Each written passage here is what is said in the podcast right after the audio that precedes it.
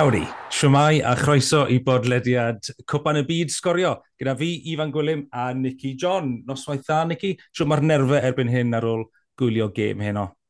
Bach yn well na godden nhw yn gynharach, rhaid i mi ddweud ar yr egwyl o'n i'n teimlo'n swpsal ac i fod yn onest oedd y, oedd y pwysau gwaed dwi'n meddwl yn, yn sky high yn ystod yr ail hanner na hefyd. Ond ie, yeah, bach o ochennaid o'r had, um, a just teimlo'n falch bod ni ddim yn cychwyn ar y droed ôl rwan. So mae yna ma, obaith yna, um, mae yna fedrwn ni fynd i fewn hefo i gym di gwanar hefo hyder rwan dwi'n teimlo. Um, gafodd ni'r 45 munud agoriadol na jyst i setlo'r nerfa. Uh, a wedyn, ie, yeah, dwi'n teimlo, dwi'n teimlo, mae'r genedl yn teimlo'n well na gyda ni ar yr egwyl, dwi'n meddwl. Mae'n fus tachwedd, so dwi'n mynd teimlo fel cwpan y byd arferol na gwe. Uh, e, ti wedi bod yn gwneud unrhyw beth i fynd mewn i hwyl y twrnament? Mae o'n weird, dydy. Mae o'n teimlo hollol weird i mi yn bersonol yr adeg yma'r flwyddyn. Um, ti'n meddwl am cwpan y byd a ti'n meddwl am yr haf a shorts a twad, bod hi'n hi boeth ac yn hael ac yn barbecues i ddathlu ac ati. Um, ond twad, mae yna fwy o grysa a fflagiau yn dechrau ymddangos o gwmpas y dre rwan o'n i'n sylweddoli. Right. Um, bobl yn addurnau tai.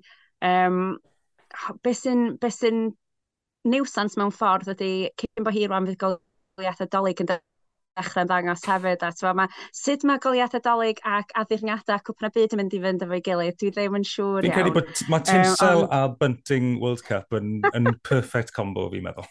Mi fydd yn berffaith lani yn bydd. Drai goch ar ben y goedan, perffaith. O'n i'n gwylio um, Iseldirodd Senegal uh, ar y tren ac o'n i mor oer o'n i jyst yn meddwl mewn cwpan y byd arferol byddwn ni'n gwylio hwn mewn beer garden, fi'n credu. Ond no. o'n i mewn cot yn rhynnu ar y platfform yn gwylio fe ar ffôn. Dwi'n gwybod, dwi'n gwybod. Uh, falle bod chi'n gwrando mas yn Qatar, uh, gadewch ni wybod os chi'n toddi yn y byd o. Uh, a i esbonio i'r grandawyr, uh, ni am recordo'r pod cwpan y byd yma ar ddiwedd bob dydd. Fyddwn ni'n cyhoeddi fel bod chi'n gallu gwrando yn y bore gyda'ch brecwast, boed hynna fan hyn yng Nghymru, neu yng Nghatar. Uh, gwnewch yn siŵr bod chi'n tanysgrifio i'r podlediad o'ch hoff platform uh, Spotify, Apple Podcast, rhai eraill ar gael. Uh, yn ni'n siŵr bod chi ddim yn methu unrhyw beth. Reit, mae'r gemau cyntaf wedi digwydd yn grŵp A a grŵp B. Dyma'r penawdau o'r deuddydd agoriadol. Yr iseldirodd ac Ecuador yn gyfartal ar frig grŵp A wedi'r ddau ennill ei gemau agoriadol o ddwy gol i ddim. Mae'r ddau yn gwynebu gilydd dydd Gwener. Yn y gêm gynnar yn grŵp B, curodd Lloegr ei ran o 6 gol i ddwy gan ddangos pam taw nhw yw'r ffefrynnau i gipio y grŵp. Ac yn gêm ola'r dydd, Cymru un yr un yn erbyn yr unol daleithiau, gyda Gareth Bale, pwy arall yn achub pwynt yn hwyr i Gymru. Nicky, dyma'r pwynt lle newn ni edrych yn fwy manwl ar brif bwyntiau trafod y dydd, ac yn amlwg, mond un lle sydd ei ddechrau heddi, 64 o flynyddoedd mae'r Cymru wedi gorfod aros i chwarae ar brif lwyfan pêl-droed y byd, a fel nes di grybwyll ar top o'r rhaglen, mae'n teimlo bod nhw wedi aros 45 munud uh, yn ormod i ddechrau tanio, really, ynddo? Oedd braidd, yn braidd, ond ti'n gwybod, mae yna elfen o, i ni fel cefnogwyr, um, mae yna elfen o nerfa, um, e-, efo echlysur mor fawr a hyn, ac o'n i'n teimlo am gyfnod, mi oedd na awgrym o hynny ar y cae hefyd. Mae'n mae, achlysur enfawr. Um, a dwi'n meddwl, oedd hynny wedi rhywsyd wedi amlygu hyn ar y cae hefyd. Um, oedd na oedd yn teimlo ar gyfnodau fel bod gen America fwy o chwaraewyr na ni ar y cae, achos oedden nhw jyst yn ymddangos ym mhobman. Ac oedden ni ddim yn cael y rhyddid na i chwarae, um, oedden ni'n cael y rhyddid na i chwarae yn yn steil ni. Um, cwestiwn gen i, a cwestiwn gen ambell un oedd, a ddylia fod Cifo yma wedi cychwyn y gêm, felly oedd hi'n rhyddhad, dwi'n meddwl, gweld o'n dod ymlaen ar yr egwyl. A dwi'n meddwl erbyn, erbyn hynny, twed, weithiau mae yna gyfnod ar ddechrau'r ail hanner lle mae rhywun yn meddwl, oce, okay, wel, nawn ni roi deg munud bach iddi weld sut, sut eith pethau, nawn ni wichio tan yr awr, 60 munud, wneud newid bryd hynny. A dwi'n mor falch bod uh, Rob Page wedi wneud y penderfyniad bod bo hynny ddim yn opsiwn heno. Oedd angen wneud y newid yna a wneud o'n sydyn. Um, a nath o dalu ar ei ganfod yn do. Do, fi wedi gweud ar y pod o blaen, fi'n fan o... Mae'n well da fi gweld Cymru'n dechrau gyda Cifo Môr yn y rhes flan. Fi'n fi, licio cael person mawr i, i arwen y llinell flan. Fi ddim yn siŵr os bydde fe pam o'n i'n stryglan yn y, yn y hanner cyntaf yna, fi'n mynd siŵr os bydd yn cael Keith Amod i wneud lot o wahaniaeth achos oedd e yn mater o cael ein curo yn ganol y ca a mm -hmm. ffindio bylchau yn y cefn. So, ond fi jyst yn meddwl bydde wedi galluogi ni chwarae mewn ffordd gwahanol a cic o'r bel lan tuag Keith Amod, a mae fe'n gallu gwneud beth mae'n neud. Mae'n dal y bel lan mor dda. A wedyn ni'n gallu defnyddio bel a pwy bydd wedi dechrau gyda fe James neu Wilson, pwy awyr, pwy ddari goffo colli le. Dwi'n yr awgrym yw ta Wilson bydde wedi bod, ond dwi'n jyst yn meddwl bod ni'n chwarae mewn trial chwarae mewn ffordd hollol wahanol i beth wnaethon ni'n neud yn y, yn yr hanner cyntaf. Dwi'n cytuno fe sy'n gyfan gwbl. Um, a twod, dyna ydy cryfder cael yr opsiwn yna ar y fainc yna. hyd yn oed efo um, Johnston yn dod ymlaen hefyd ac yn twod, cynnig rhywbeth hollol wahanol eto. Um, felly, dybwn ni, nawn ni weld o leia un, falle ddau o newidiadau erbyn bore di Gwener. Um, dwi yn meddwl bod ni wedi cael yr, mae'n braf mewn ffordd mae'r un cyntaf yna allan o'r ffordd rwan.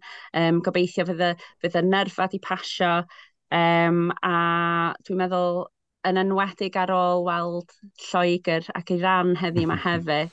Um, na, dwi'n eisiau mynd yn or hyderus, achos mae eisiau, mae eisiau, twad, mae, mae eisiau bod yn bwyllog yn does. Ond dwi yn credu fedrwn ni wynebu dydd Gwener rwan hefo agwedd bach yn wahanol. Ie, yeah, yn cael yn erfen am o ffordd y cytuno, mm. gobeithio, fel digwyddodd falle yn Euro 2016 ar Euros uh, mwyaf diweddar, pob un yn gweud am byti pa mor nyrfi oedd y dechrau yna yn Slovacia, tan i Ben Davies wneud y gowlain uh, save yna. Um, o'n i, rhaid i wedi, yn rili really nerfus ar dechrau. O'n i bach yn emosiynol hefyd yn gwrando ar yr anthem, ac mm. anthem i mm. gael ni mor dda, a hefyd yr uh, montage na oedd gyda Esbodrec yn neud yr dangos yr holl massive events ma wedi digwydd yng Nghymru mm. uh, ers 58, ond hwnna'n Oedd hwnna'n neud fi choc up yr tymau bach, na fi wedi. Dwi'n gwybod, dwi'n gwybod. Oh. Dwi, dwi, so, mae ma, ma rhaid i ni gofio, mae'n achlysu'r anferth a um, mae yna rai sydd wedi bod yn disgwyl ar hyd i bywydau i weld hyn, ac os da ni'n gorau wychiad yr un hyd eto, dwi'n yn gwybod os welwn ni ffasiwn beth eto. Um, felly, rhaid i ni beidio anghofio pa mor fawr ydy hyn i genedl o'i gymharu efo gweddill wledydd sy'n cymryd rhan, um, yeah. sy'n wlad mor fach. Ie, yeah, diwrnod mawr i Gymru heddi, ond siomedig hefyd, uh, cwpl o bethau wedi digwydd heddi gymdeithas wedi gorfod backtracko ar y penderfyniad i gael Gareth Bale yn gwisgo rhwymyn enfus ar ei fraich fel capten uh, yn dilyn penderfyniad FIFA a wedyn ni hefyd straeon wedi dod mas heno am um, gefnogwyr um, pallu cael ei gadael mewn i'r stadiwm gan bod nhw'n gwisgo uh, hetiau uh, enfus a rhai eraill yn gwisgo uh, t-shirts a pethau. Felly mae hwn amlwg yn hollol siomedig a fe mae yna lot o fai ar FIFA ond hefyd pobl Qatar am, am hyn. Beth ti'n meddwl am yr holl beth? Mae'n eithriadol o siomedig, eithriadol o siomedig, bod ni yn yr oes da ni ohoni, mae'n 2022 a da ni'n dal i gael y drafodaeth yma. Um, dwi'n dwi methu credu'r peth, ond eto mae pildroed yn y gorffennol yn wedi cael ei ddefnyddio fel llwyfan i roi llais i bobl. Oedd yna gyfle eiraidd yn fama gyn FIFA i, i wneud safiad um, a dyn nhw heb gymryd mantais ar cyfle yna. A ie, yeah, dwi'n eithriadol o siomedig. Fel ti'n dweud, twad, clywed heno, oedden ni'n gwybod cyn y gêm doddan bod yr, oedd hi'n benderfyniad hwyr yn y dydd, ond bod yr, yr um, band ddim yn mynd i gael ei wisgo cyn y capdeiniad. Um, ond wedyn clywed yn ystod y gêm bod bobl ddim yn cael mynd i fewn yn gwisgo'r capiau'r enfys. Mae'r holl beth just yn, yn hyrt ac yn pathetic gan FIFA. Dwi just, dwi'n dwi, dwi edrych ymlaen at y ddwrnod pan na fydd hyn yn rhan o'r sgwrs. Um, fel bod ni'n gallu canolbwyntio ar beth sy'n mynd ymlaen ar y cae yn hytrach na cael yn siomi o beth sy'n digwydd oddi arno fo. Ie, yeah, clywch, clywch. Y gêm nesaf i Gymru yw Iran, fel wedys ti'n gynt, y cafon ni gyfle i gweld nhw. Ie, yeah, fel ti'n gweud, gollon nhw mor drwm, mae'n eitha hawdd mynd yn eitha o'r hyderus falle, yn mynd mewn well, i hwnna. Mae yna ddwy elfen yn does, er un ydy, a, a oedd i ran yn dîm mor wael a hynny, cael rhaid i ni gymryd mewn i ystyriaeth y ffaith bod i golgeidwad nhw wedi cael anaf fel na ar ddechrau'r gêm. A hefo safle'r golgeidwad, dio ddim fel safleoedd eraill lle fedri di dynnu chwaraewyr eraill a switcho safleoedd na di, twad, os wyt ti'n colli dy mm-hmm. golgeidwad, mi wyt ti'n colli dy number one di. Um, felly, a oedd Iran yn sal, neu a oedd Lloegr yn, well, ruthless yn y bon, twad, i, i sgorio chwech gol fel na, um, fel nath e nhw. Um, Jude Bellingham am chwaraewr, um, mor ifanc, mor dalentog. Um, a da ni'n gorau gwyn wynebu hein dydd mawrth nesaf, felly mae hynny yn cefn meddwl rhywun hefyd. Um, Ia, yeah, mae yna ma ddigon o, o, o bethau i cynnwyd cil dros nhw yn fanna yn does os, gobeith i fi, os, os nhw'n curo yr un o daleithiau yn yr un modd yn athyn nhw i ran, wedyn ni gobeithio bydden nhw'n gorffwys tipyn o chwaraewyr ebyn nhw ddod e-, yn erbyn ni. Dwi'n gwybod cystal a fi di hynny ddim yn mynd i ddigwydd. O, oh, gen i wad, gen i wad. Byw mewn gobaith. Uh, y thing arall y pryderu fi, to, oedd na flashes i gael gyda Iran fi'n teimlo, sy'n sy eisiau ni fod yn wyledwrus. So, oedd y ffordd nath nhw dorri trwy ymddiffyn Lloegr ar gyfer gol Taremi, oedd yn mor hawdd. Fi'n gwybod oedd Maguire yn rhan o'r symudiad yna, a mae Maguire yn dod â, fel ti'n gwybod, fel cefnogwr Manu, yn dod â beirniadaeth wastad yn dilyn fe. Ond oh, mi oedd na flashes i gael na gen i rand, oedd e ddim i gyd yn, o, oh, maen nhw'n pathetic. Nath nhw dal sgorio dwy yn erbyn uh, Lloegr, er bod yr cic o smoti yna'n soft. Mm. yeah. um, right, wel golwg cloi ar grŵp A de, um, grŵp arall sydd wedi chwarae i gemau nhw. Qatar, cynnal y twrnament, gyda campwyr Asia, cyn nhw'n disgwyl creu argraff, falle pa mor siomedig ti'n meddwl bydden nhw gyda perfformiad yn y gêm agoriadol? Um, Wel, os ydyn nhw'n canolbwynt ar pel-droed, mi fydden nhw'n siomedig o fod wedi colli hwnna. Um, oedd na benderfyniad bach ar gychwyn y gêm yn doedd, efo VAR yeah. unwaith eto yn, yn hawli ar sylw, ond um, yeah, yna'r Valencia, just yn, efo dwy um, i Ecuador yn fanna, ac oedd, ie, yeah, o'n i'n falch o weld Ecuador yn mynd â honna, oedd nhw'n llawn heiddi. On. Wel, oedd enw'r Valencia jyst yn ganol popeth yn hanner cyntaf na, dwy gol a hanner, achos fi, fi dal yn meddwl, wel, fi ddim yn siŵr am ti'r fe a'r decision. Uh, a dod off gyda anaf hefyd, oedd yn, yn ei chanol i. Uh, pwy fydd feddylio pan oedd e'n chwarae i Everton a West Ham nôl slawer dydd, bydde fe'n serenu ar y llwyfan yma. Ond o'n i'n sôn, fe yw prif sgoriwr y gyngred yeah. yn hwrci. Mae o'n prif sgoriwr yn fan ynddo di. Felly, yes. um, dwi'n dwi meddwl fydd na rhagor o goliau ddod gyda efo hefyd. Mm, ie, mm, yeah, oedd e'n wedi dal y sylw. Uh, wedi, yn y gêm arall yn grŵp, o'n i'n meddwl bod Senegal yn dda iawn am gyfnodau hir o'r gêm prynawn yma, ond yr hen o Rainier yn curo o ddwy gol i ddim. A ni'n canmol y wal goch wrth gwrs na gen i, mm. uh, ond braf cael y wal oren nôl ar lwyfan cwpan y byd, Nicky. Ydy, mae o, achos pan ti'n meddwl am yr iseldiroedd, dwi'n meddwl am dîm sydd yn heiddi, um, neu fyswn ni'n disgwyl gweld yn chwarae ar brif lwyfan fel hyn, uh, a mae yna mae wedi bod yn gam gwag heb nhw, rili, really, yn y cystadleuaeth fel hyn fyswn ni'n dweud bod y gêm yn teimlo i mi fel un o'r gem yna ar sy'n sy typical o gychwyn ymgyrch fel hyn, lle mae gen ti ddau dîm sydd ddim yn gyfarwydd iawn efo'i gilydd sy'n ceisio sesio'i gilydd allan. Ac os, os da ni'n edrych yn ôl ar yr ystadegau, wel, dyma'r tro cyntaf i Senegal chwarae yn erbyn tîm o Ewrop ers cwpyn y byd dwytha pan nath nhw chwarae yn erbyn gwab hwyl. Um, felly, oedd, mi oedd na elfen o hynny'n perthyn i'r gêm, ond ar dystiolaeth pnaw yma, fyswn ni'n disgwyl i um, yr iseldiroedd ennill y grŵp yn hawdd. Fi'n credu bydd e'n ddiddorol gweld beth sy'n digwydd yn y gêm. Mae Senegal Ecuador, hwnna yw'r decider yn mynd i fod. Hwnna sy'n mm. gorffen y grŵp hefyd, so gen i weld. Mae hwnna'n, falle, ie, yeah, brwydyr bach. Pwy wyt ti'n mynd am yn y gêm yna ta? Ar sail, oh, o'n i'n licio golwg Senegal heddi, ond oh, oedd Ecuador yn eitha impresif. Fi credu o'n nhw'n eitha impresif yn erbyn tîm Qatar oedd eitha sal. So fi yn mynd i stico gyda Senegal fel pencampwyr Africa i fynd trwyddo i'r uh, rwnd nesaf. Ti'n gwybod na di sgor fydd honna wan yn dweud. Felly, troi at gemau dim mawrth, ni'n dechrau gyda'r ariannin yn erbyn Saudi Arabia am 10 o gloch y bore a deg brunch, wedyn Denmark yn erbyn Tunisia dros ginio am un o gloch, Mexico yn erbyn Gwlad Pwyl sydd i de am bedwar, ac yn y gorffen y dydd gyda Super meithlon Ffrainc yn erbyn Australia i Super am saith. Licen i ddechrau gyda Ffrainc. Oh, Dwi'n llwgyr rwan ar ôl hynna. Diolch. o fi arfer wneud y peth yma um, lle fi'n licio coginio bwyd uh, o un o'r gledydd sydd yn chwarae ar y diwrnod mm. yna.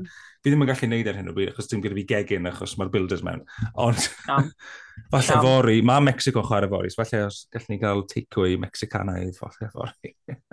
nice iawn. Um, yeah, ond cyn ni, lycan ni ffocysu ar Frank, so, uh, saying, what, beef bourguignon.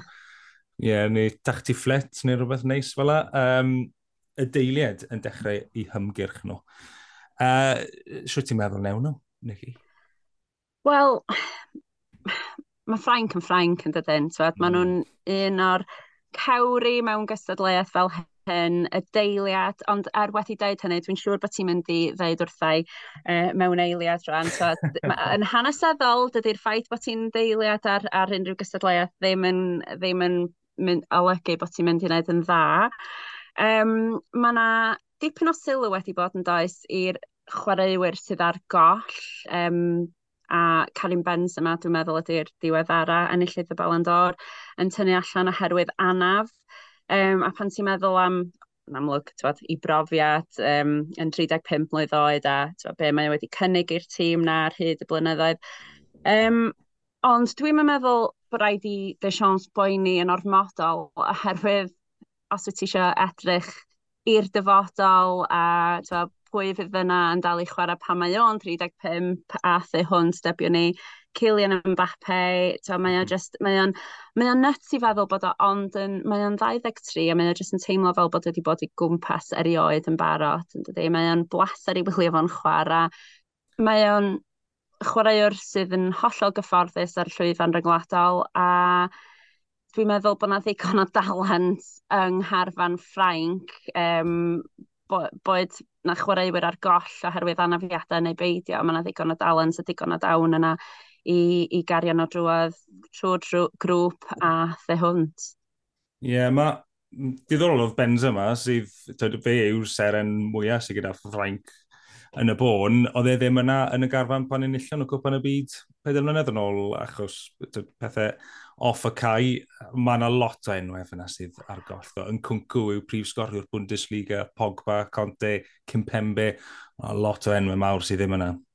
Ti'n gwybod beth sy'n ddifur hefyd ydy, o'n i'n darllen awgrymiadau heddiw, um, a dwi'n mynd siŵr iawn pwy ydy'r ffynhonell, ond awgrymiadau yn dweud bod yna chwaraewyr o fewn y tîm sy'n mynd i fod yn hapus bod Benzema ddim yna. Mm -hmm. um, sydd ddim yn rhoi y delwedd perffaith o ran, twad, o ran Cymru gyda'n gilydd yn gryfach. Dwi ddim yn cael yr argraff bod hynny'n digwydd tu fewn i Ffrainc os, os da ni'n edrych yn ôl ar hyd y blynyddoedd.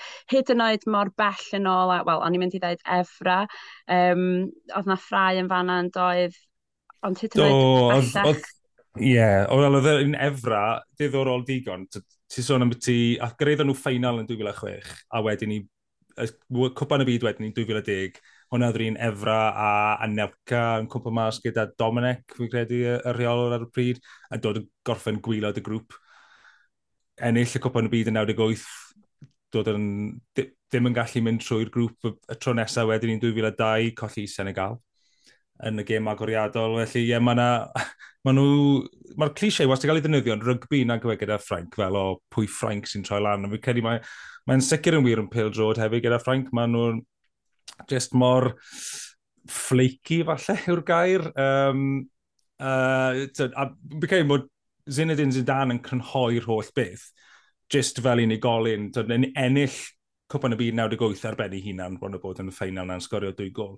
A wedyn 2006, sgorio, cael cerdyn coch am headbutto Marco Materazzi yn ei gêm olerion. So mae just, mae ma yna rhyw agwedd gyda ffagwyr fi'n credu sydd yn uh, neud nhw'n entertaining iawn, ond dim yn gyson. Rhyw Ffrainc yn debyg i'r un gathen nhw diwetha yn 2018, Ffrainc, Denmark, Australia a Tunisia yn lle Peru oedd yna yn, uh, yn Rwysia. Ffrainc yn dechrau yn ymwneud Australia, uh, dim mawrth, nath nhw chwarae gilydd uh, trwetha. Ffrainc yn ennill o ddwy gol i un ar y ffordd i ennill Cwpan y Byd.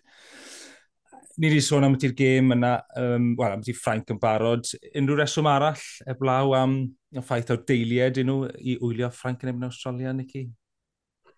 Um, Difyr gweld sylwadau cwpl o amddiffynwyr Ffrainc yn dweud, o, oh, dyn nhw'n siŵr iawn pwy sy'n chwarae Australia anyway. Er, ydy'r mind games na'n dechrau um, cymryd nice. chwarae rhan yn, yn hyn i gyd yn barod, achos yn amlwg mae'r ma Socceroos wedyn yn teimlo bod nhw'n cael chydig bach o amharch, yeah. um, achos maen nhw wedi chwarae yn erbyn y chwaraewyr yma o'r blaen, boed hynny'n eu cyngreiriau nhw fa, neu fel arall. Um, ond ie, yeah, mae'n ma ma, ma ddifur gweld twad, sut mae sut ma un cenedl yn mynd i fewn i gêm fel hyn a sut mae'r cenedl arall yn ymateb. Denmark, Tunisia i'r gêm arall. Yr hyn fi'n edrych mlaen i weld yw, gobeithio wnaeth y ddechrau, Anis Ben Slimane, chwarae Tunisia, uh, ond wedi enni yn Denmark, chwarae'r tîm ieuenctid cenedlaethol ac uh, yn dal i chwarae yna, chwarae Brymbw. Felly fe bydd yr un fyddai'n cadw llygad am. Uh, wedyn ni, yn grŵp EC, Mae gen ni ariannin yn erbyn Saudi Arabia, a fi'n cymryd, os oes yna unrhyw reswm i wylio'r gêm yma, Nicky, un unigolyn yw e. Ti'n edrych mlaen i weld Salem Al-Dawsari? o, oh, yn dwy fan, yn dwy. Dyna pwy dwi'n edrych ymlaen at, wel. Yeah. Um, ac yn ogystal â fo, oh. Lionel Messi, uh, y dewin bach, da ni wedi bod yn gwylio ers blynyddoedd bellach. Um, mae wedi dod â gymaint o blaser i gymaint o gefnogwyr peldroed ar hyd i erfa.